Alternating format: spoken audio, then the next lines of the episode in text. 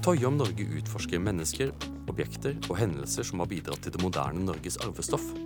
I denne programserien går jeg, Astrid Toje, og tre gjester inn i dybden på det som har dannet Norge i beste folkeopplysningstradisjon. Det andre programmet i denne serien er viet til Nobels fredspris. Prisen som er eldre enn Norges uavhengighet, er kanskje verdens mest prestisjefulle pris, og også en norsk merkevare. Her skal jeg nevne at undertegnede var forskningssjef ved Det norske Nobelinstitutt fra 2011 helt fram til juni i år, da jeg trådte inn som et av fem medlemmer i Det norske Nobelkomité. Dette legger strenge bånd på hva jeg kan si om komiteens arbeid. Den såkalte sekretessen strekker seg hele 50 år tilbake i tid. Til alt hell har jeg med meg tre eksperter her i studio for å snakke om Alfred Nobel og prisen han innstiftet. Disse er Geir Lundestad, historiker, professor emeritus ved Universitetet i Oslo og mangeårig direktør ved Det norske Nobelinstitutt. Asle Sveen, lærer og fagbokforfatter som har skrevet en rekke bøker om fredsprisen, dels i kompaniskap med Øyvind Stenersen, som også er en av landets fremste eksperter på Nobels fredspris. Og vi starter med deg, Geir Lundestad. Alfred Nobel levde fra 1833 til 1896. Han var entreprenør, oppfinner og filantrop. Kan du fortelle oss litt mer om den tiden Alfred vokste opp i? Vel, det var vel fire stikkord som prega 1800-tallet, og som på mange måter prega også Nobel, da. Det ene er jo teknologi. Det skjer en rivende teknologisk utvikling gjennom 1800-tallet. Telegraf, tog, eh, dampbåter, eh, bilen på slutten. Utviklinga av eh, dynamitten, som jo var Alfred Nobels store oppfinnelse, men det var jo mange andre. Det andre stikkordet er organisasjon. Man fikk et internasjonalt samarbeid om de praktiske tingene, post og telegraf og helse og sånne ting. Man fikk en rivende utvikling for, inn på fredssida, det er det tredje stikkordet. Eh, det ble oppsto fredsorganisasjoner i svært eh, mange land, og det oppsto et eh, samarbeid gjennom, mellom mange av disse fredsorganisasjonene. Og endelig, under det hele, var det jo også en nasjonalisme, da. Det ble skapt nye stater, og mange av disse statene kunne bare skapes gjennom krig. Så det var en helt åpenbar spenning mellom de tre øverste tingene, teknologi, organisasjon og fred, og den fjerde eh, nasjonalismen. Man kunne bare samle Tyskland og Italia, som man jo gjorde på 1800-tallet, gjennom krig. Ja, og i utkanten av, eh, av dette Europa i brytning så vokser eh, unge Alfred opp. Øyvind Sendersen, kan jo, du si noen, om, noen, ord om Alfred Nobels unge år og utdannelse og verdensanskuelse? Da tar jeg fredsbevegelsen etterpå. Ja, eh, Alfred han eh, vokste jo opp i ganske fattigslige kår, egentlig. Eh, faren var gått konkurs, og han var ganske sykelig. Han trengte omsorg av sin mor og ble veldig knyttet til henne. Eh, ja, Hun het Andriette Asell, ikke sant? Ja, riktig. Karoline også. For at, husk på Det Karolinska instituttet i Stockholm er jo oppkalt etter henne. Ja, ja. Men nok om det. Altså, han ble jo tidlig trukket inn i farens fabrikk. Immanuel. Ja, Immanuel. Og eh, han var jo da i Russland. Lagde dampmaskiner. Og også da våpen for den russiske tsaren. Men i konkurs. Og eh, han måtte da vende tilbake til Stockholm. Men poenget var jo at Alfred, han opplevde fattigdommen. Han måtte faktisk gå ut på gata og selge fyrstikker sammen med sin bror for å få mat på bordet. Ja, for, for barnefamilien eh, Nobel, det er litt viktig å få med seg. Det var åtte barn, og kun tre av dem fylte 21 år. Så sin egen 21-årsdag. Ja, og det viste jo at det å vokse opp den gangen, det kunne være en eh, belastning for familien. Og det var det jo absolutt for han.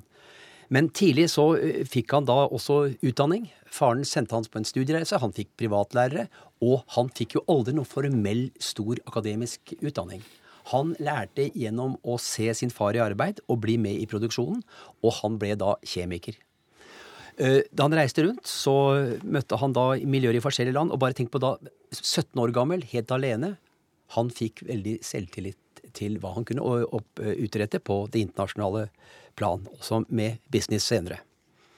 Ja, for Alfred Nobel han endte jo opp som en slags farende fant. Eh, Victor Hugo, den store forfatteren, kalte han jo Europas rikeste vagabond. Ja. Eh, hvilket land eh, hadde Alfred Nobel sterkest tilknytning til i løpet av livet? Ja, altså Det ble vel på mange måter Frankrike. Han bodde, hadde jo egen leilighet der. Og han fikk også en bolig i, i Italia. Men først og fremst Han bodde jo veldig lenge i Russland, da. Ja da. Ja, men, men allikevel ganske kort tid. Jeg tenker på Når han først begynte å reise sitt, i, i sitt industriimperium, så var det jo først og fremst eh, da Frankrike, og, og i San Remo i Italia, hvor han også bodde. Og på slutten eh, på Bjørkborn i Sverige, hvor han da produserte våpen på Boforsfabrikken. Han ble jo da en eier av en stor våpenfabrikk. Ja, for det var en slags familietradisjon for eh, Immanuel Nobel. Eh, eh, Alfred Nobel flytter da fra Stockholm til Russland, åtte år gammel, hvor Immanuel har slått seg opp som tsarens våpenfabrikant. Han oppfant visst noen sjøminer, eh, gjorde han? Det er riktig. Og, men da Krimkrigen var slutt, så ble det krise. Og da måtte de flytte tilbake igjen til Stockholm. Og da startet jo en ny virksomhet, og da skjedde det noe veldig viktig. Eh, Det ble en stor eksplosjon på laboratoriet. Broren hans døde. Og det er nok en veldig viktig inspirasjonskilde for han til å lage et bedre sprengstoff. Fordi eh, eh, den måten man produserte på, med nitroglycerinet, var veldig farlig. Og han eh, utviklet da en fenghette for å gjøre eh, tennmekanismen bedre. Men så kommer da den berømte eh, oppfinnelsen med dynamitten, som gjør sprengstoffet ikke så farlig. Lettere å behandle og transportere. Og det er det som er det store grunnlaget for in industriimperiet. Men også det røyksvake kruttet, som ble brukt da i krig fra slutten av 1870-åra. Så Alfred Nobels eh, bygger sin formue på sine oppfinnelser, og disse oppfinnelsene er eh, brukbare i krig. Absolutt. Og eh, interessant nok, ballistitten, det røyksvake kruttet, blir jo produsert på engene i Hurum. Og eh, en del av det kruttet blir jo brukt til å, å senke Blücher. Det var jo utvikla der ute på engene. Det kanskje skyte inn her at Nobel hadde også en fabrikk for nitroglyserin på Lysaker. Den gikk i lufta, og det ble to ble drept. og da, Etter det ble fabrikken flytta til Engene i Hurum. Ja, for det var jo lenge tvil om eh, Alfred Nobel, eh, som innstiftet Nobels fredspris, noensinne hadde besøkt Norge, men nå har jo nye kilder eh, kommet fram til at eh, Alfred Nobel besøkte Norge, sannsynligvis på 1870-tallet, eh, og så var under vertskap av Thomas Hefti, som eide da denne dyn- dynamittfabrikken. Men vi må videre. Asle, kan du snakke litt om Alfred Nobels syn på krig og fred? Det er jo av interesse for fredsprisen. Det må vi si er av en viss interesse. ja. Det, det, nå har jo Geir trukket opp linjene her med, med nasjonalisme og at både Italia og Tyskland ble samlet ved krig. Blant annet ble jo Frankrike slått av Tyskland.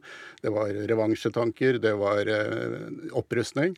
Og Derfor fikk vi en veldig sterk internasjonal fredsbevegelse på slutten av 1800-tallet.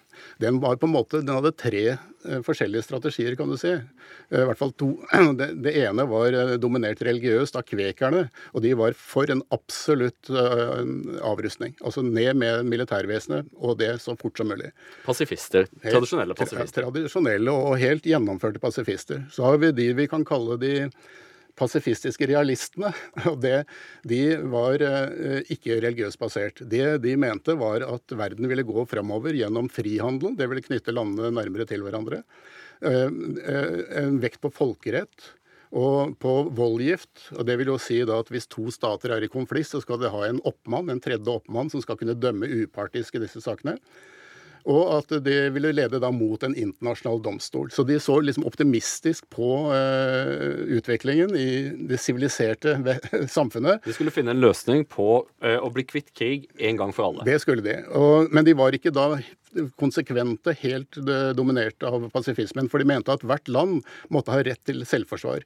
Og det selvforsvaret skulle da ikke være tradisjonelle, helst ikke tradisjonelle militære styrker, men en militia eller et hjemmevern var det mange som eh, gikk inn for. Og dette ble vedtatt på en kongress i, i Budapest i 1896 mot kvekernes protest. De ville uh, ikke godta det at det skulle være noe, at hver stat skulle ha rett til en eh, militia eller et hjemmevern. Alfred Nobel, vi, vi var etablert. Han blir født i, eh, i, i, inn i relativ fattigdom i Stockholm. Flytter til, eh, flytter til St. Petersburg, hvor familien blir velhavende. Eh, Alfred Nobel viser seg å være ekstremt talentert, må vi vel kunne si. Men også har allerede 17 år gammel så får vi en slags indikasjon på et, et slags mørkt sinnelag. Jeg kom over et dikt som den 17 år gamle Alfred Nobel eh, skrev. Han skrev dette eh, på engelsk, jeg leser det på norsk. Og en av verste strofene i dette diktet sier Min krybbe så ut som en likseng. I år så en mor med urolig omsorg så liten sjanse til å redde det blafrende lys. Alfred Nobel eh, had, var jo en person som hadde en litt eh, vanskelig med å forholde seg til, eh, til, andre mennesker, må vi vel kunne si. Eh, Øyvind, kan du ta oss og fortelle oss litt om kjærlighetslivet til Alfred Nobel? Gjerne. Altså, Det vi vet, er at han så på seg selv som lite pen og hadde problemer med å, skaffe forbindelse med det motsatte kjønn. Men han ble stormforelsket. Han hadde det så travelt. Han reiste jo rundt verden ikke sant, og jobbet døgnet rundt. Leste bøker og aviser og var aktiv. Innadvendt og litt nerd. Men så møtte han en blomsterpike i Wien, Sofie Hess, og ble stormforelsket. Og de innledet et nært, intimt forhold. Det varte en fire-fem-seks år. Hun ble underholdt av Alfred Nobel. Fikk en leilighet, fikk klær, penger men etter hvert så drev de fra hverandre. Men det hadde vel noen ting å gjøre med at Alfred forsøkte å, å gjøre henne om til noen hun ikke var? Han skulle skape en slags idealkvinne ut av henne? Ja, og det ble jo vanskelig. Altså, hun kom jo fra folket, folkedypet. Han var en internasjonalt kjent mann, reiste rundt og omgikk da personer av et helt annet klassekaliber, for å si det sånn. Så jeg mener, sett ut fra et slikt uh, tidsbilde, så er det jo vanskelig å skjønne at dette kunne gå bra. Hva gjorde Sofie Hest da? Sofie Hess ble frustrert. Og hun fant seg da en offiser og fikk barn med han, og så ble forholdet slutt. Men vi må jo ikke glemme hans første kvinne. Det var jo Bertha von Suttner, da. Ja, Bertha von Suttner er, er, er, jo viktig her sånn når det gjelder eh, Alfred og fredstanken og fredsbevegelsen. Jo, men også men, på det personlige plan. Ja, ja. For han spurte jo at de var jo sammen bare ei, ei uke, uke. Ei uke i Paris i 1875. Nå må du fortelle hvordan treffer Alfred Nobel Bertha von Suttner? Og for de som ikke har hørt om Bertha von Suttner, så kan jeg love at vi kommer til å snakke mer om henne og hvorfor hun er viktig litt senere. Men hvordan treffer Alfred Nobel ja, han henne? Han ville ha en sekretær som skulle hjelpe han med de praktiske oppgaver, og han lyste ledig en eh, stilling da. I Wiener-avisene, eh, selv om han selv var i Paris. Ja, han må Ja, det, ja, det var antagelig sånn. Og Bertha, hun uh, var interessert og dro til Paris og, og, var sammen med hos Alfred Nobel da, i syv-åtte dager. Og de, kontakten var meget vellykket, så vellykket at han spurte faktisk om hennes hånd var ledig. Det er jo ganske utrolig, da, men hennes hånd var ikke ledig. Han var litt frampå? Han var virkelig frampå. Han var jo en sky og forsiktig mann, men uh, han var frampå her. Altså, Det er jo en veldig spenning i Alfred eh, Nobels liv. Han hadde jo en enorm suksess. Han uh, som oppfinner hadde jo flere hundre patenter. 355 i tallet. Ja. Og eh, han var jo meget vellykket som entreprenør, altså etablere bedrifter og sånne ting. Og han tjente jo haugevis av penger. Han snakka fem språk flytende. Men han var jo ingen lykkelig mann. Det finnes mange bilder av Alfred Nobel, men det er bare ett eh, der han eh, smiler. Eh, og han sa jo sjøl at han trivdes best på sitt laboratorium. På, men det smertet han dette at han aldri fikk stifte familie, gjorde det ikke? Eh, ja, han gjorde jo i hvert fall flere forsøk, da, uten å lykkes. Og men eh, i, i, når, sånn i prissammenheng så kan vi jo være veldig glad for det, fordi at hadde han eh, fått stifta familie, så har vel ikke pengene gått til alle disse prisene, men de hadde vel kanskje gått til familien. Asle Sveen? Ja, altså Bertha von Suttner hun uh, slo seg da fram i fredsbevegelsen. Hun skrev I 1889 så skrev hun den berømte romanen 'Die Waffen Nieder', altså 'Ned med våpnene'. Og hun ble en ledende person innenfor den internasjonale fredsbevegelsen. Og eh, gjennom kontakt med Alfred Nobel, så, eh, så han var såpass beundrer av henne at han faktisk meldte seg en stund inn i den østerrikske fredsforeningen. Han ga penger. Men når det gjaldt eh, selve programmet til, til fredsforeningene, altså om voldgift, om internasjonal domstol osv., så, videre, så erklærte aldri Alfred Nobel seg enig i det. Alfred Nobel han sto mer på den linjen at hvis det skulle bli fred, så måtte det være en slags koalisjon, et samarbeid av verdens stater, som skulle stoppe angriper med militærmakt på den ene siden. Eller han sa også hvis våpnene, kan, krigen kan stoppe hvis våpnene blir så forferdelige at de er umulige å bruke. Ja, hva var det Bertha von Suttner mente at uh, var løsningen på krigen? Hun sto på den linjen med, med som altså de, de, realistiske pasifistene, med folkevæpning, mer vekt på, vekt på internasjonale avtaler. Folk folkerett, eh, frihandel og en internasjonal domstol. Ja, men Nå må du nesten forklare for meg. Eh, vi har da en kvinne som svarer på en annonse i en avis i Wien. Hun eh, skal bli sekretær i Paris. Ja. Hun blir der bare en uke da hun får et kjærlighetsbrev fra eh, sin, sin, elskede og eh, sier takk for meg til Nobel. Nobel er så fascinert av henne at de etablerer et livslangt forhold. Hva var det med, ved Bertha von Suttner, og hvor kom hennes engasjement for freden fra? Ja, Hennes engasjement kom jo fra, eh, fra, opp, altså fra de, særlig fra å lese om slaget ved Solferino, der hvor altså hvor um, Røde Kors hadde sin opprinnelse. Det var et stort, et stort slag mellom franskmennene og, og østerrikerne? Østerrikerne i Italia. Mm. Så hun, altså hun den, De Waffen-Nieder er veldig realistisk i skildringen av hva en moderne krig ville føre til av lemlestelse og lidelser for soldatene. Så det var bakgrunnen for at hun, hun skrev denne boka. Og så etablerte De, de, de traff hverandre bare én gang etter at de hadde møttes i Paris, og etter var det brevveksling. Hvor de da De møttes tre ganger.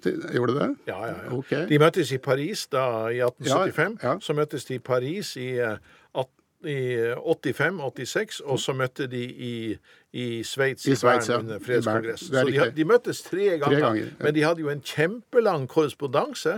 Men det som er interessant i den, det var stort sett Bertha som skrev. Det gjorde det. Alfred han svarte sjelden, mm. delvis fordi at uh, hun var jo nokså ensidig i det hun skrev om. Hun ba jo om penger hele tida. Hun ville ha penger til, fra Alfred til mm. fredsbevegelsen. Mm. Og hun fikk jo flere beløp, men hun venta på det virkelig store beløpet. Ja, her, for her bør vi jo nevne at uh, som, en, som, en, av Europas rikeste ungkarer, så fikk jo Alfred Nobel mengder med brev hver eneste dag. tiggerbrev. Uh, og han ga bort veldig store summer. Han var veldig flink til å gi bort penger til gode formål, spesielt til unge forskere som trengte penger til å komme i gang med oppfinnelsene sine. Men eh, Øyvind, kan du oss fortelle oss eh, hvorfor denne boka eh, 'Ned med våpnene' hvor, hvorfor ble det en, en sånn kioskvelter eh, mot slutten av 1800-tallet? Det var formen. Altså, Den var skrevet på et språk og på en måte som engasjerte folk. Som følte at krigen angikk dem. Så denne mobiliserende effekten som den boka den ble jo oversatt til over 20 språk ikke sant? Og, og, var velkjent. Og Alfred Nobel roste jo denne boka og mente han hadde stor be betydning for å bygge fredsbevegelsen. I tillegg så hadde de et uh, tidsskrift med det samme navnet. Så, så, så, dette var, ble store greier. Hun ble en veldig ledende figur i fredsbevegelsen. Ja, men Det er jo ikke noen liten pris for, uh, for uh, Øyvind Stenersen. Alfred Nobel han hadde jo også litterære interesser. Ja da, Han skrev et eget teaterstykke som jeg nå har lest litt om. og Det tok opp veldig mange sånne obskure ting, også på det rent kjønnslige området. Og det, det var preget av mye talent Diade, og det gjaldt uh, formen. Så det har ikke blitt noe sånn uh, stort stykke i svensk uh, teaterverden heller. Det ble vel satt opp i Sverige nå for et ja, par år siden? Ja, jeg leste om det, men det er klart at det har ikke blitt satt opp senere, for å si det sånn. Så det var ikke noe stor suksess. Men, men, men han, han, han, hadde han, kjærlighet, han, hadde en kjærlighet til, til, vitenskapen og til litteraturen. Ja, han leste mye. Han hadde jo et svært bibliotek. Ja, et enormt bibliotek. Og han leste jo, det må vi nevne, mye Ibsen, men særlig Bjørnson. Mm. Og han var opptatt av Bjørnsons engasjement i fredsbevegelsen. Men han leste ganske bredt også i norsk litteratur. Han leste bøker av Vinje, f.eks. Man skulle tro at uh, det var visse barrierer der. Man var godt orientert om litteratur. Ikke bare i Bjørnson, men mange andre norske forfattere, og internasjonalt. Så Alfred Nobel leste nynorsk. Det er, eh, det er håp for noen og hver, skjønner Dette nevnes som en av de mulige årsakene til at eh, Norge fikk dele ut fredsprisen. Men her er det jo flere teorier. Blant annet så skrev han jo testamentet rett etter, altså i 1895, hvor det faktisk var en fare for krig mellom Norge og Sverige. Men vi må komme oss, til, må komme oss nå til, til, 18, eh, til, 1895. For Alfred Nobel, han, han, lever, han lever, sitt liv. Eh, han gjør sin oppfinnelse, Han skaper sin formue. Han bor litt her, litt der. Litt i, eh, litt i Wien, litt i Hamburg, litt i St. Petersburg, litt i Paris. Han reiser verden over. Han besøker til og med USA. Eh, og så begynner, tiden, begynner, han å gå tom for tid. Han har bygd seg en stor villa i San Remo i Italia. Øyvind Sendersen, kan du, kan, du, fortelle litt Janne, om prosessen som leder fram til eh, kanskje norgeshistoriens mest berømte testamente. Ja, altså han blir jo da nær kjent med eh, en eh, fyr fra Sverige som heter Solmann, som ble hans sekretær. Og sammen så begynner de å diskutere dette testamentet. Og det som er interessant i den første fasen, det er jo det at eh, Alfred vil bruke pengene på en stiftelse. Han tenker seg at dette ikke skal gå til familien, og han må gjøre noe for fredens sak. Og da er det veldig interessant at i 1888 så dør hans bror. Det blir misforstått, og mange tror da at det er Alfred som er død. Og så kommer det en rekke kritiske ne nekrologer i avisene som da gir han det glatte lag for det han har gjort når det gjelder å utvikle både dynamitten og det røksvake kruttet. At han er en, virkelig en krigshisser. Og da kan det nok hende at han virkelig ble befestet i troen på at jeg vil gjøre noe positivt for menneskeheten. Jeg vil ikke ha det ettermælet. Og, og, og, begynner å, å, utvikle tanken da videre med Solmann på, på 90-tallet. Og når det gjelder da utformingen av testamentet, så er jeg enig med Asli at det er klart at denne spente situasjonen mellom Norge og Sverige midt på 90-tallet, dette har vært veldig viktig, men også det at han ønsket og, altså Han var jo utviklingsoptimist. Altså, og det at han kunne tilfredsstille både vitenskapelig innsats, men også innsats for, for, for, freden. Altså, Han trodde at det var mulig å gjøre noe. Altså, Han var en, en pådriver og ville gjerne stå igjen nettopp som en fredselsker, men også en som har tro på vitenskapen og framskrittet. Da har vi jo kommet fram til selve grunndokumentet. Geir Lundestad, hva står i Alfred Nobels testamente? Ja, det som står om fredsprisen, det er jo at han skriver at det skal Fredsprisen skal deles ut av en komité på fem medlemmer, oppnevnt av det norske Stortinget. Så det står i Grunnloven, nær sagt. Det er ingenting man kan eh, gjøre med det. Sånn er det. Og så omtalte han jo det som han mente skulle være kriteriene for fredsprisen, hvem som skulle få prisen. Eh, og det var jo det første kriteriet var å fremme brorskap mellom nasjonene. Det andre var avskaffelse eller reduksjon av stående armeer. Eh, og det tredje var avholdelse av fredskongresser. Og enkelte har jo sett dette som et utslag av vennskapet med Bertha von Sutten, at det var kanskje hun som påvirka eh, formuleringa av disse tre kriteriene.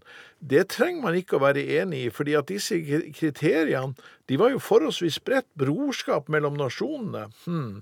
Ja, Den norske nobelkomité har jo ofte søkt tilflukt i brorskap mellom nasjonene, for det kunne jo dekke ganske mye, da. Og når det gjaldt nedrustning, så står det Han var jo nøye på det. Det står ikke bare avskaffelse, det står reduksjon. Han hadde et uh, mer ikke et sånt ensidig optimistisk syn på at man kunne få til av eh, nedrustning, sånn at reduksjon var også fint.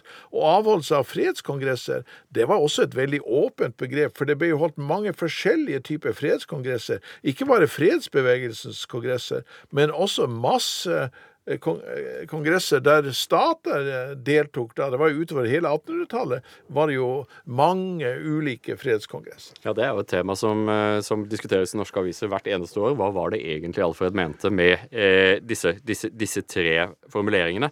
Eh, for eh, i, i, i, testamentet så gir han hele sin formue til utdelelse av fem priser i fysiologi, det som vi vanligvis kaller medisin, kjemi, fysikk, litteratur og fred. Men Asle Sveen, hvorfor Norge? Ja, hvorfor Norge? Det har han skrev jo aldri noe ned. Hvorfor Norge? Så vi har jo vært inne på det, og det var eh, en mulig årsak er altså den eh, konflikten i 1895 mellom Norge og Sverige, hvor Norge krevde egen utenriksminister. Og så var det det at Stortinget, nasjonalforsamling, ga midler til den internasjonale fredsbevegelsen. Eh, og Norge hadde jo ikke noe eget utenriksdepartement, så det var mulig at han har tenkt på det at Norge kunne være velegnet til å dele ut eh, fredsprisen uten da spesielle utenrikspolitiske bindinger. Og så var det dette her med interessen for norsk litteratur, eh, at han var opptatt av Norge. Men det står altså ikke spesifisert noe sted at Alfred har skrevet dette. Jeg mener at Norge skal dele ut fredsprisen av disse årsakene. Det står overhodet ikke.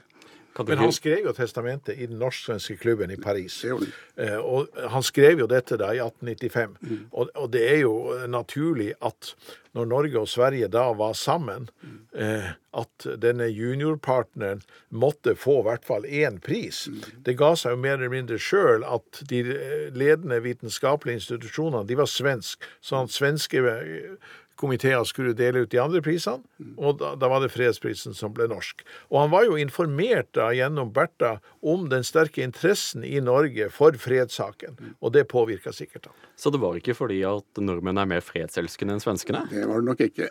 Og svenskene var jo veldig skeptiske til at Norge skulle dele ut denne fredsprisen. Da. De mente, Oscar Nahen mente at Norge kom til å misbruke denne prisen i nasjonale interesser, og det fikk han for så vidt rett i. og han, kongen, kong Oskar han sa jo de berømte ord 'her står det fruentimmer bak', og det hadde han jo også i og for seg rett i når det gjaldt fredsprisen, for det var jo Bertha von Suttner som hadde påvirka. Du lytter til programmet Tøye om Norge her på NRK P2. Nå skal vi si noen ord om eh, fredsprisen opp gjennom historien. For den første fredsprisen eh, deles ut i 1901, og eh, den siste ble utdelt i fjor, i, i 2017. Her bør vel jeg komme med en sånn liten, eh, et lite kaviat. Eh, eh, undertegnede Asle Toje, jeg sitter nå på Det norske Nobelkomité, utpekt av Stortinget, og lytterne forstår sikkert at det legger visse bånd på hva jeg kan uttale meg om. For vi opererer med en sekretesse på ikke mindre enn 50 år. Men heldigvis så har jeg da meningsberettigende mennesker som kan uttale seg om dette. Geir Lundestad. Kan du gi oss et, eh, et fugleperspektiv, noen hovedtrender i fredsprisens historie fra de tidligste tider og fram til i dag? Ja, det er jo tre helt klare perioder, overordna perioder i fredsprisens historie. Fra 1901 og fram til 1914, altså utbruddet av første verdenskrig, så gikk de aller fleste fredspriser de gikk til talsmenn for mekling og voldgift. Det, det er bare et par unntak der. Man hadde en veldig tro på at mekling og voldgift kunne løse internasjonale konflikter. Eh, vi må vel kunne si det at eh, utbruddet av første verdenskrig demonstrerer jo at dette var en klart begrensa vei. Man klarte ikke å få dette helt til. Etter første verdenskrig så var jo det store fredsinstrumentet, det var jo Folkeforbundet. Man hadde en veldig tro på at nå skulle statene komme sammen. Alle verdens stater skulle komme sammen. De skulle sitte rundt et bord, og de skulle avgjøre de spørsmål som kunne føre til krig og konflikt. Dette er jo et uhyre ambisiøst program, men man var ganske optimistisk. Men vi vet jo hvordan det gikk. Eh, Folkeforbundet fikk, eh, var ganske vellykket på 1920-tallet, det må vi ikke hoppe over. Det, var en veldig bra periode på 1920-tallet. Men så kom jo fascismen, og Hitler kom til makta, og dette ble, veldig, dette ble veldig vanskelig. Så heller ikke den linja førte fram. Men det gjorde jo at man da etter 1945 så var man desto klarere på at når vi nå fortsatt skulle satse på dette med internasjonalt samarbeid, så måtte man ha en mye sterkere organisasjon. Og denne sterkere organisasjonen, det ble jo FN, da.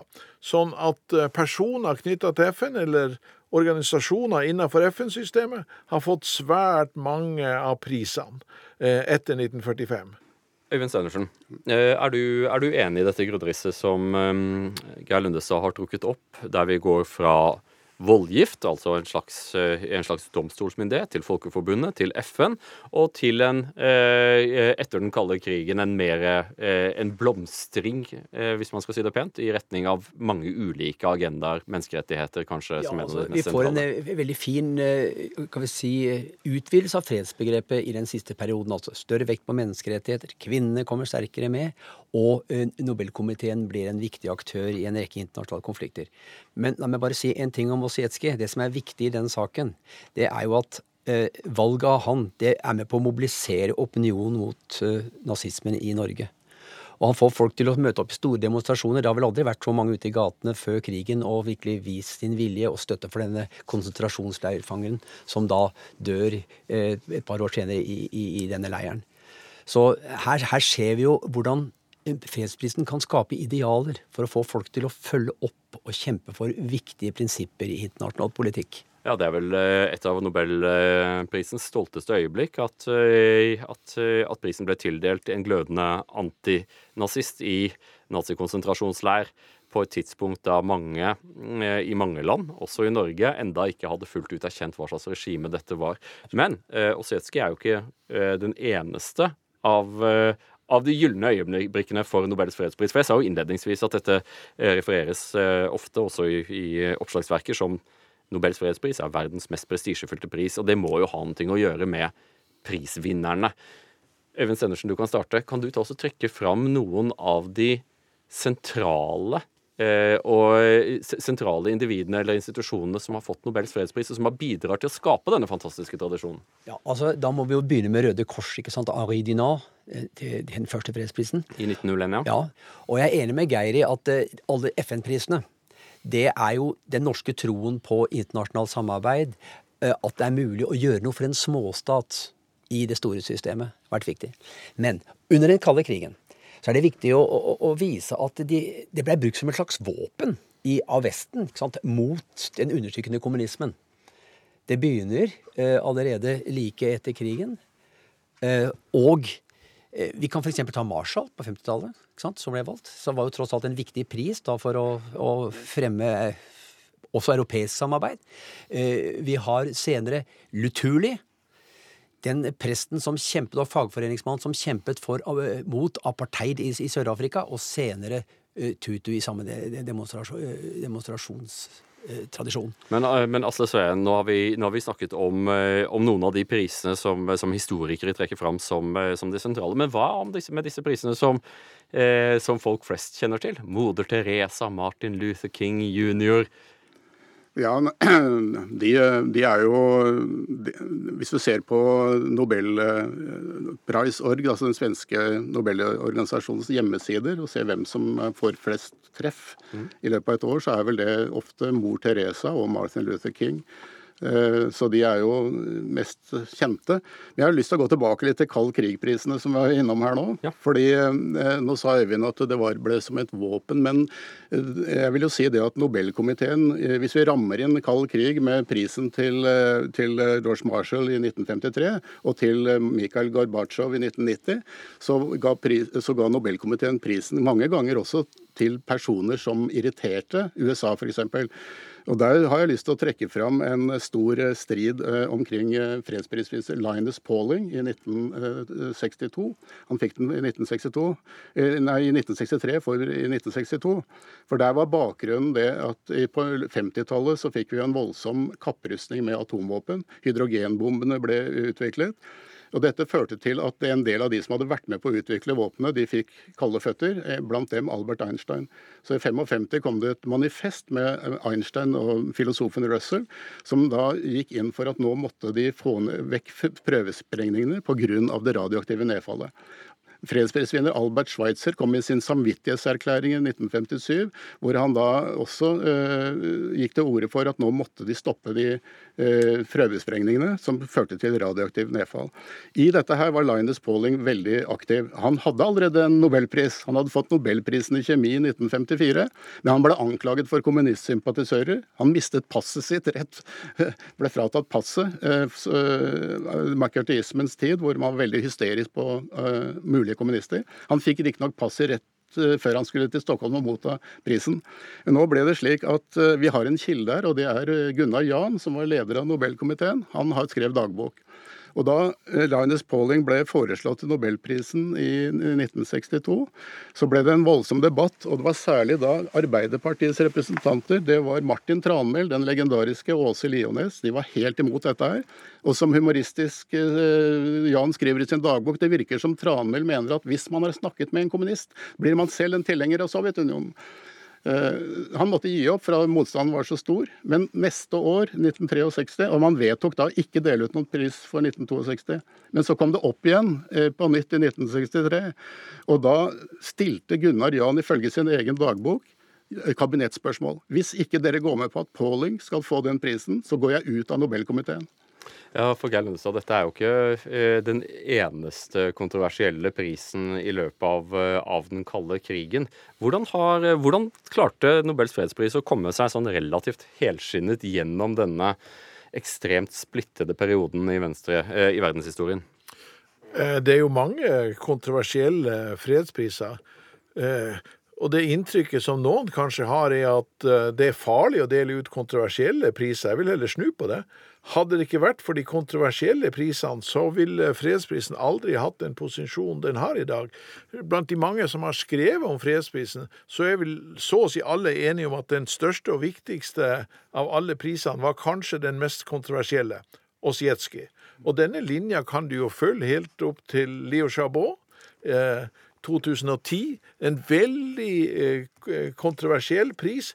Men komiteen det kan ha bydd på vanskeligheter, men komiteen har hatt mot til å treffe kontroversielle avgjørelser. Og disse har løfta frem prisen og gitt den prestisje. Det betyr jo ikke at alle kontroversielle priser har vært like vellykka. Vi kan jo ta prisen i 1973 til Henry Kissinger og Le Doctor. Den var jo ikke noe vellykket pris. Fortell hva som skjedde da. Ja, Det som skjedde da, det var jo at komiteen ga disse to prisen for fredsavtalen for eh, Eller våpenstillstandsavtalen i 1973, da. Men, I Vietnamkrigen. I Vietnamkrigen. Men Le Doctor sa jo nei til prisen. Ikke helt eh, han, sa, han lot det jo være noe, en mulighet åpen for at hvis det virkelig ble fred i Vietnam, så kunne han vurdere dette. Og Henry fikk jo kalde føtter og uh, skrev et brev til komiteen der han var inne på å levere tilbake Eh, prisen. Altså, da ville nok mange blitt fornøyd? Ja, det ville de nok ha blitt, men Åse Liones, som var komitéleder, hun overtalte han til ikke å gjøre noe som helst, bare sitte helt uh, stille. Så det kontroversielle er jo ikke noe garanti for at dette blir populært og står seg veldig godt. Men de mest vellykkede prisene har gjerne også vært kontroversielle. Ja, eh, Men jeg må nesten ta så bore litt dypere i dette. Eh, er det mulig å gi tilbake fredsprisen? Kan Nobelkomiteen ta tilbake en fredspris hvis en av, eh, en av nobelprisvinnerne viser seg uverdige? Nei, ingen pris kan tas tilbake. Og det kommer jo hvert år, nær sagt, uh, er det ulike favoritter på den liste over priser som bør trekkes tilbake. Men det har aldri skjedd, og det går heller ikke an.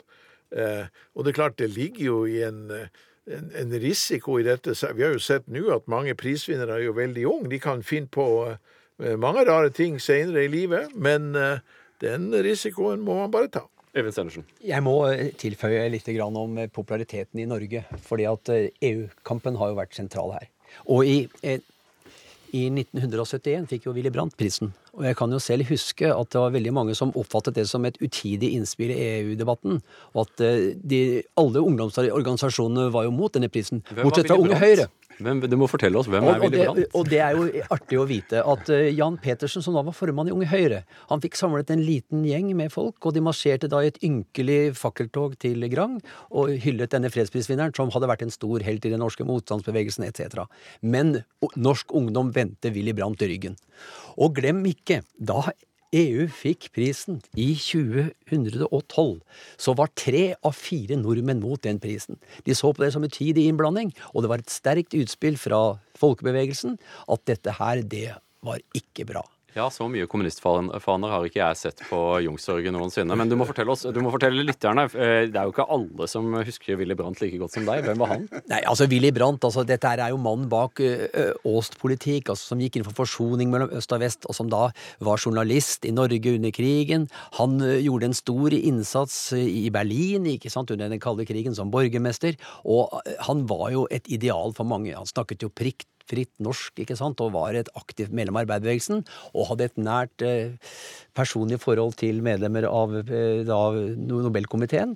Han var jo kansler, da. Ja, han, var, så var han tysk kansler. Ja, han var en tysk kansler. Vi må få det. Selvfølgelig var han det. Men altså, jeg er opptatt av, altså, han, var, en, han var en stor stjerne i Norge, ikke sant? men han, han, likte jo dårlig å se at ungdommen da ikke kunne hylle ham da han fikk prisen i, i var... Ja, men eh, ja, Nobelprisen har jo da, så vidt jeg har forstått, hatt en evne til å, til å forferde og begeistre eh, fra ja. de tidligste tider og fram til i dag. Eh, ja. Asle Sveen, eh, kan du ta oss og snakke litt Janne, om nobelprisen i det nye årtusen? Hvordan, hvordan, har prisen utviklet seg, og hvordan har den blitt mottatt? Den har jo altså jeg vil si Fra etter den kalde krigen, da, de prisene for så vidt etter at Geir ble direktør, så ble det jo en, en voldsom globalisering. altså Prisen ble spredd uh, utover i verden på en helt annen måte enn før. Det var langt flere kvinner som fikk uh, fredsprisen. Eh, vi fikk jo også den nye situasjonen med 9-11, altså i 2001, eh, hvor skal vi si, den muslimske verden eh, kom på en, måte på dagsorden for Nobelkomiteen. Og man lette vel på mange måter etter muslimske personer eller ledere som man kunne belønne med fredsprisen, som da hadde en forsonende politikk, en annen politikk overfor Vesten enn, enn skal vi si det som mange andre av de islamistiske retningene hadde. Og vi fikk Shirin Ebadi f.eks. i 2003 fra Iran. Mm. Ja, for uh, Asle, Asle Sveen og uh, Øyvind Stenersen, dere har jo i en årrekke tatt oss og satt fram uh, tipslister for hvem som kommer til å få Nobels fredspris. Treffer dere ofte? Vi får vel ofte kommer i hvert fall i, nærheten av blinken hver gang, og vi har jo bomma, men vi har også da hatt veldig god følelse av hva som er rett. Og Malala ventet vi jo på, bare for å ta henne, som da også var en brobygger ikke sant, og ble sett på som en eh, liberal ung muslim som kunne mobilisere ungdommen igjen. Det var en fantastisk god pris. Men eh, da Obama fikk prisen, da hadde vi problemer med å gjette det. For det var jo ikke så lett å gjette at eh, det skulle velges en president som hadde et stort og fint program som var i kontrast til da eh, George W. Bush, og at alle hadde store forhåpninger til han, og mange var jo faktisk ganske forhekset av hva han kunne få til. Ja, Si litt om det, fordi For den voksne generasjonen så er det jo Kissinger som står som den store kontroversielle prisen, men jeg opplever at blant eh, unge i dag så er det prisen til president Obama 2011 som uh, Mange ser på den med stor uro. Og først og fremst 2009, unnskyld. Ja, og først og fremst fordi at uh, han fikk jo prisen først og fremst for sine planer og visjoner, og ikke for gjerningene. Og mange mener at den var, kom altfor tidlig. De burde ha ventet litt til. Geir Lundestad, dette er et spørsmål du ofte stilles når du er her i studio på NRK. Hva sier du? Ja, til Obama-prisen. Ja. Altså, Det var vel to grunner til at Obama fikk prisen. Den ene grunnen var jo at på punkt etter punkt så delte jo Obama på en måte de overordna synspunktene til den norske Nobelkomité. Her, her var man kommet i en situasjon at verdens mektigste politiker hadde i stor grad den samme agenda. Altså vekt på multilateralt diplomati, på FN, på eh, internasjonal dialog, på nedrustning, på menneskerettigheter, på eh, ny klimapolitikk. Eh, og, og, komiteen var jo fullstendig klar over at det var usikkert hva Obama kunne få til. Men eh, han kunne få en håndsrekning fra komiteen når han nå trakk opp denne agendaen som til forveksling ligna på agendaen til den Eh, norske Nobelkomité. Det andre punktet, det har nesten helt fullstendig forsvunnet fra debatten. Det var jo at Alfred Nobel, han skrev faktisk i sitt testamente at prisen skulle deles ut på grunnlag av prestasjoner i det foregående år. Så det kortsiktige perspektivet som mange kritiserte, det var Nobels perspektiv. Obama, etter at han eh, gikk av, har jo eh, ofte omtalt fredsprisen Eh, på en veldig fleipete måte. Eh, det virker som at han selv ikke helt synes at han fortjente den. Hva sier du etter at du nå har gått fra roret ved Nobelinstituttet? Jo eh, Prisen fikk vel ikke helt en virkning man hadde håpt, fordi at Obama eh, refererte jo sjelden eller aldri til fredsprisen, at den ga han ikke den trekkrafta som han kanskje kunne ha håpt. Men vi må jo huske på én ting. De som virkelig hata prisen til Obama, det var jo de konservative i USA.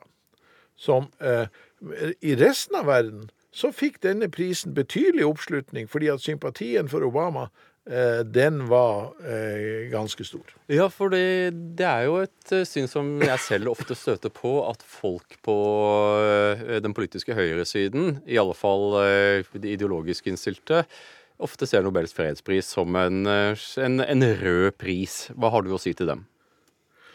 Altså, det ligger jo noe idealistisk i prisen, og prisen kan vel oppfattes som litt venstreorientert, det er klart. Altså, internasjonalt samarbeid, eh, oppslutning om multilaterale organisasjoner, det er jo sterkere på venstresida enn på høyresida. Nedrustning er jo sterkere på venstresida enn på høyresida. Menneskerettigheter er vel også stort sett sterkere på venstresida. Så sånn sett så kan det sies å, å være et eh, et, et, litt venstreorientert perspektiv i dette, men det må ikke gå for langt. Jeg tror det at Norge deler ut prisen Eh, vi har en delt bakgrunn i Norge. Vi er veldig idealistisk, veldig idealistisk, og det passer jo med den idealistiske profilen til fredsprisen.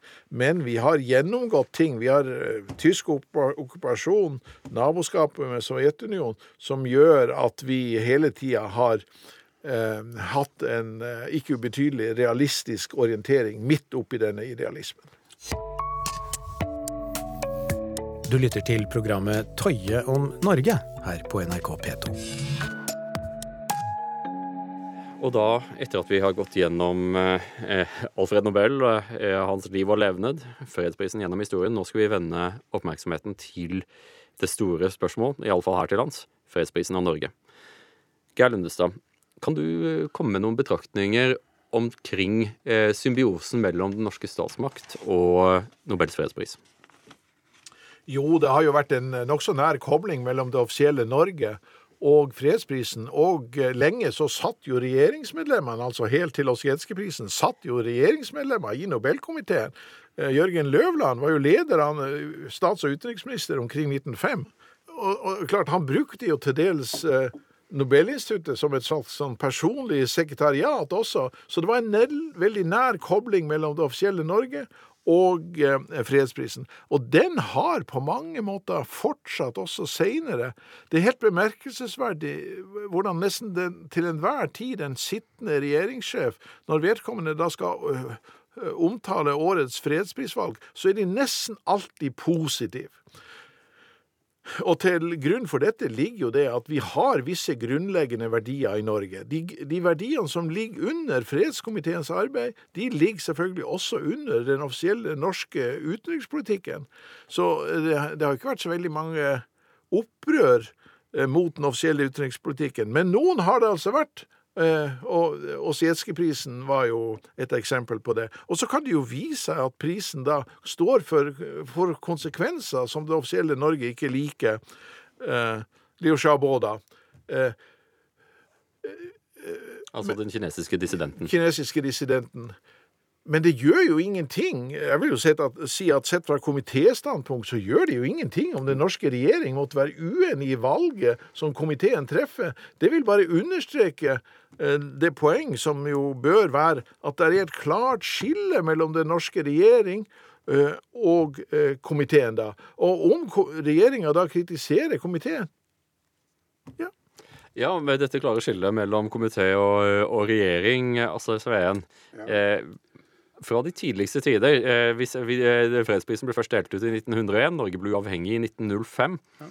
Eh, og komiteen, Nobelkomiteen var vel på mange måter en slags, eh, en slags vugge for det norske utenriksdepartement? Ja, det interessante er at i 1901 så kalte også norske Nobelkomité seg for Norske Stortings Nobelkomité. Det skapte en del bruduljer opp gjennom uh, historien. Uh, det var jo slik at da Løvland, som da var leder av Nobelkomiteen, var jo også statsminister i Stockholm under unionsstriden. Og i 1904 så fikk vi da Det norske Nobelinstitutt. Og eh, med Christian Laus Lange som eh, den første direktøren. Han var en veldig ivrig, og han eh, sammen med Løvland, de var nære venner, de brukte nesten da Nobelinstituttet som et slags norsk utenriksdepartement ved å sende ut propaganda for Norges sak rundt omkring i Europa under unionsstriden. Så de drev, de drev lobbyvirksomhet for Norges uavhengighet fra Nobelinstituttet? Det gjorde de absolutt. Og det, det interessante her sånn var også at de ansatte ansatte en svenske som hadde samme lønn som direktøren. Eh, Lange hadde 3000 kroner i året. Han het eh, Claes Pontus eh, Arnoldsson og var en ivrig internasjonalist. Han gikk inn for forente stater, Europas forente stater og for nordisk samarbeid. Og han hadde lønn for å gi rapporter tilbake til Nobelinstituttet om forholdene, internasjonale forhold, men også forholdet mellom Norge og Sverige. Og han var en sterk tilhenger faktisk av norsk selvstendighet. Så, så dette her ble holdt hemmelig. Det ble, det ble bokført under eh, diverse utgifter i eh, Nobelinstituttets regnskaper. Så her brukte, brukte de Og han fikk Nobels fredspris. Han fikk Nobels fredspris i 1908, og den som nominerte han var Halvdan Koht, som også var konsulent. Så her var det nær sammenblanding Her var det nær sammenblanding.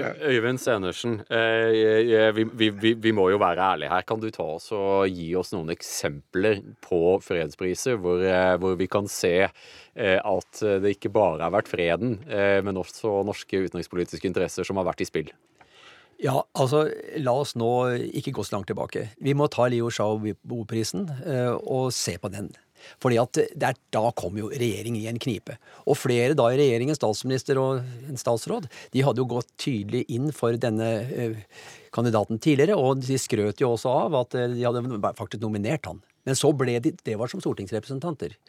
Og så fikk jo da, da Liu Xiaobo-prisen, og det viste seg at da var det ikke så lett når de satt som regjeringsmedlem å forsvare det de hadde da gjort tidligere som representanter.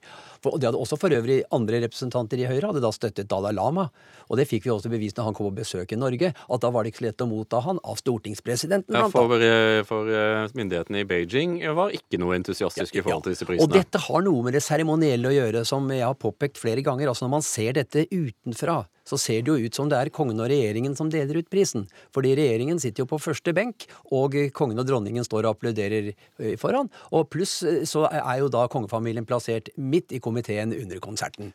Ja, for det er eh, bemerkelsesverdig hvor mange amerikanske presidenter som har fått Nobels fredspris, Even Stenersen. Ja, altså Dette argumentet kom jo fram også da Gore fikk prisen. Og at eh, da komiteen har en tendens til å støtte demokratene, det er jo ikke alltid så populært blant republikanerne i USA. Det har jo allerede vært inne på. Men altså, bare litt tilbake til eh, dette kontroversielle ved Obama. Altså Det som står igjen nå, det var jo at det var en voldsomt eh, populær utdeling med masse folk på, eh, på uh, uh, fakkeltoget osv. Men i tillegg så holdt han jo en fantastisk tale. Men hvis vi skal heve blikket litt, så, så vil jeg vel si at eh, det er jo bemerkelsesverdig hvor bra det har gått. Altså Dette sitatet om eh, verdens mest prestisjetunge pris, det kommer jo fra Oxford Dictionary of Contemporary History. Og dette står jo, dette godtas, selv av kritikere av prisen. Vi hadde jo en bok skrevet av en meget konservativ amerikaner om Nobels fredspris, stor, tjukk bok. Det var Jay Nordlinger, het Jay han. Nordlinger het han, men han aksepterer dette utsagnet. Dette er verdens mest prestisjetunge pris. Og i tillegg til alle de som har fått prisen, så er det jo et hav av folk som på ulike måter har gjort det klart at de gjerne kunne tenke seg å motta prisen. For eksempel så Nixon var jo veldig opptatt av prisen. Og de var, ble veldig oppglødd da de så at Willy Brandt fikk prisen. For det, oi, de, går, de, de blir aktive politikere. Men eh, komiteen valgte jo Henry Kissinger istedenfor Richard Nixon. Khrusjtsjov var jo interessert i å motta prisen. Han gjorde jo henvendelser via ambassadøren i Norge da, og kunne til og med strekke seg så langt at han ville inkludere Khrusjtsjov. Eh, Lyndon Johnson var veldig interessert i å motta prisen da, og han var jo litt skuffa når Martin Luther King fikk prisen, fordi at da skjønte han at det betydde at da ville ikke han få noen pris for å ha avskaffa raseskillet. Så, så prisen har en enorm prestisje. Den er verdens mest prestisjetunge pris. Har den vært provinsiell? Ja, i en viss forstand så har den vært veldig provinsiell, fordi at den er jo basert på norske verdier som norske politikere og også regjeringa slutter opp på. Men disse verdiene står jo også sterkt rundt om i verden. Det er jo klart Når fire amerikanske presidenter og diverse utenriksministre har fått prisen, så er det jo fordi at de deler disse verdiene, da. Det provinsielle, det vil jeg si, det ser du jo først og fremst at det tok så ufattelig lang tid før EU fikk prisen. Det var jo, det er jo klart, Hvis du ser dette utenifra, så burde jo EU eh, burde jo hatt prisen eh, lenge før de fikk prisen i 2012. Så problemet med den prisen var at den kom for sent. Den kom altfor sent. Når skulle den kommet? Ja, den skulle ha kommet på 50-tallet, når det ble klart at man fikk til fransk-tysk forsoning. Tenk på disse to landene hadde utkjempa tre kriger i løpet av 70 år. Ja, så hvorfor kom den ikke før? Nei, fordi at det var altfor sterk motstand i Norge eh, mot eh, eh, europeisk integrasjon. Man eh, kunne ikke tenke seg til, til det da, og det, et- det ble jo nei da ved to eh, folkeavstemninger. Men, men hvis du hever blikket litt, så er jo dette, dette er jo bare prinsipielt eh, sånn eh, ting som ikke, eh, Eller provinsielle ting som ikke har noen særlig eh, eh, interesse. Fordi at eh, dette er jo kanskje det mest positive fenomen vi har sett tysk-fransk forsoning, etter du tre tri kriger er i stand til å Da bestemmer du deg for at vi skal bli hverandres eh, nærmeste venner. Og man hadde jo gitt prisen på 20-tallet til forskjellige franskmenn og eh, tyskere for eh, den forsoninga, som jo mislyktes. Her lykkes den! Og det tok det jo likevel lang tid. da. Og så har vi jo den store utelatelsen i prisens historie. Det er jo Gandhi. Selvfølgelig skulle Gandhi hatt Nobels fredspris. Den ledende talsmann for Hvorfor fikk han den ikke? Ja, det kan man lure på. Han var jo nominert mange ganger, og jeg tror kanskje i den tidligere perioden, altså før andre verdenskrig, så var det nok eh, litt sånn eh, solidaritet med Storbritannia og oppslutning om Storbritannia som eh, gjorde at de ikke ga prisen til Gandhi. Det var også en veldig dårlig konsulentuttalelse i 39 som jeg leste, Ja, ja, hvor han ble sammenlignet med en krysning av en slu politiker og Jesus. Det var Aste Sveen, ja. Og, men etter andre verdenskrig så er det klart, da falt det britiske momentet bort. Da kunne han i og for seg fått prisen.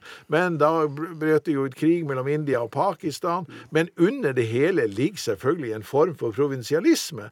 Europeisk provinsialisme. Man skjønte ikke hvor viktige politikere og begivenheter kunne være i andre deler av verden da. Men komiteen hadde jo langt på vei bestemt å gi Gandhi prisen i 48. Så ble han skutt. De kunne likevel ha gitt han prisen, så, så dette vil jo for alltid stå som den store unnlatelsessynd at Gandhi ikke fikk prisen. Og lengre rekker vi ikke i dag, kjære lyttere. I studio med meg her i dag var Geir Lundestad, Asle Sveen og Øyvind Stenersen. Du kan lytte til dette programmet på DAB og på nett på nrk.no. I neste program skal vi snakke om Hans Nilsen Hauge og haugianerne.